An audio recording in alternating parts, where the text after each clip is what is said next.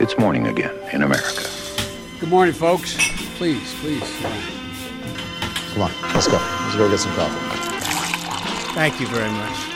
Det er fredag 26. juni, det er 130 dager igjen til presidentvalget, og siste utgave av Målkaffen før sommerferien er servert.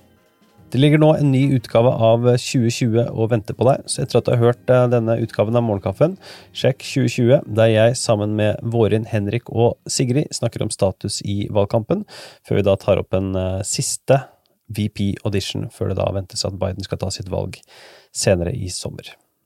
Dagens første sak, en lang rekke målinger fra vippestater. Det er kommet en rekke delstatsmålinger det siste døgnet, og Joe Biden leder over Donald Trump overalt. og Blant annet så har New York Times og Siena publisert målinger fra seks vippestater.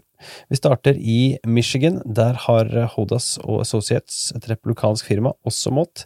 De har Biden på 56% over Trumps 38 på målingen fra New York Times og Siena så får Biden 47 og Trump 36. I Pennsylvania så leder Biden med 54 over Trumps 42 hos Hodas, og hos New York Times så får Biden 50 og Trump 40. I Wisconsin så har Biden 55% og Trump kun 39% hos Hodas, og Biden er målt i 49 over Trumps 38 hos New York Times og Siena. Biden får også 49 mot Trumps 41 i en måling fra Marquette. Vi beveger oss videre til North Carolina. Der leder Biden med 49 over Trumps 40 hos New York Times og Siena, mens ledelsen er knappere på en ny måling fra Public Policy Polling, der Biden får 48 mot Trumps 46. Og så til slutt, i Florida så får Biden 47% mot Trumps 41 og i Arizona måles Biden til 48% og Trump til 41 på målingen fra New York Times og Siena. I Ohio så leder Biden syltynt med 46% mot 45% for Trump i en ny måling fra Quinnipiac.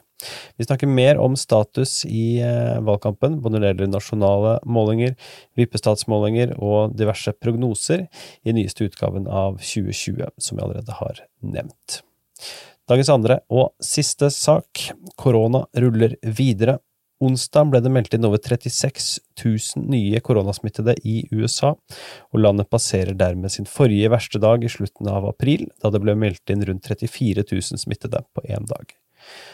Noen andre koronarelaterte tall 1,4 milliarder dollar i koronastimulus fra myndighetene er samtidig sendt ut til døde mennesker. Over én million avdøde personer har blitt tilsendt sjekk eller kontantoverføring på 1200 dollar og en rekke ansatte i Trump-kampanjen og flere titalls Secret Service-agenter er i karantene etter presidentens valgkamparrangement i Tulsa, Oklahoma, forrige lørdag. Flere ansatte i kampanjeorganisasjonen og to Secret Service-tjenestemenn har avlagt positive koronatester i etterkant av arrangementet.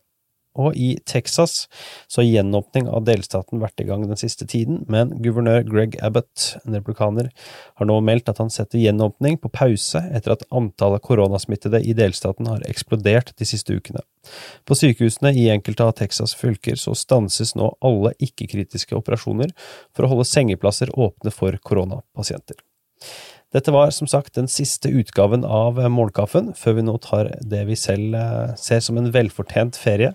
Vi ses i august. Vi har nå kjørt daglige podkaster i hele vinter og hele vår, og gleder oss til å komme tilbake igjen i august for innspurten av presidentvalget.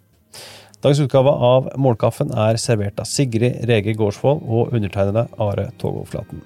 Dersom du liker det vi holder på med, dersom du ønsker å støtte eh, arbeidet, ta turen til patron.com ampol, så kan du lese om hvordan du med noen få dollar i måneden kan støtte arbeidet vårt på amerikanskpolitikk.no. Takk for nå, god sommer, så snakkes vi igjen i august.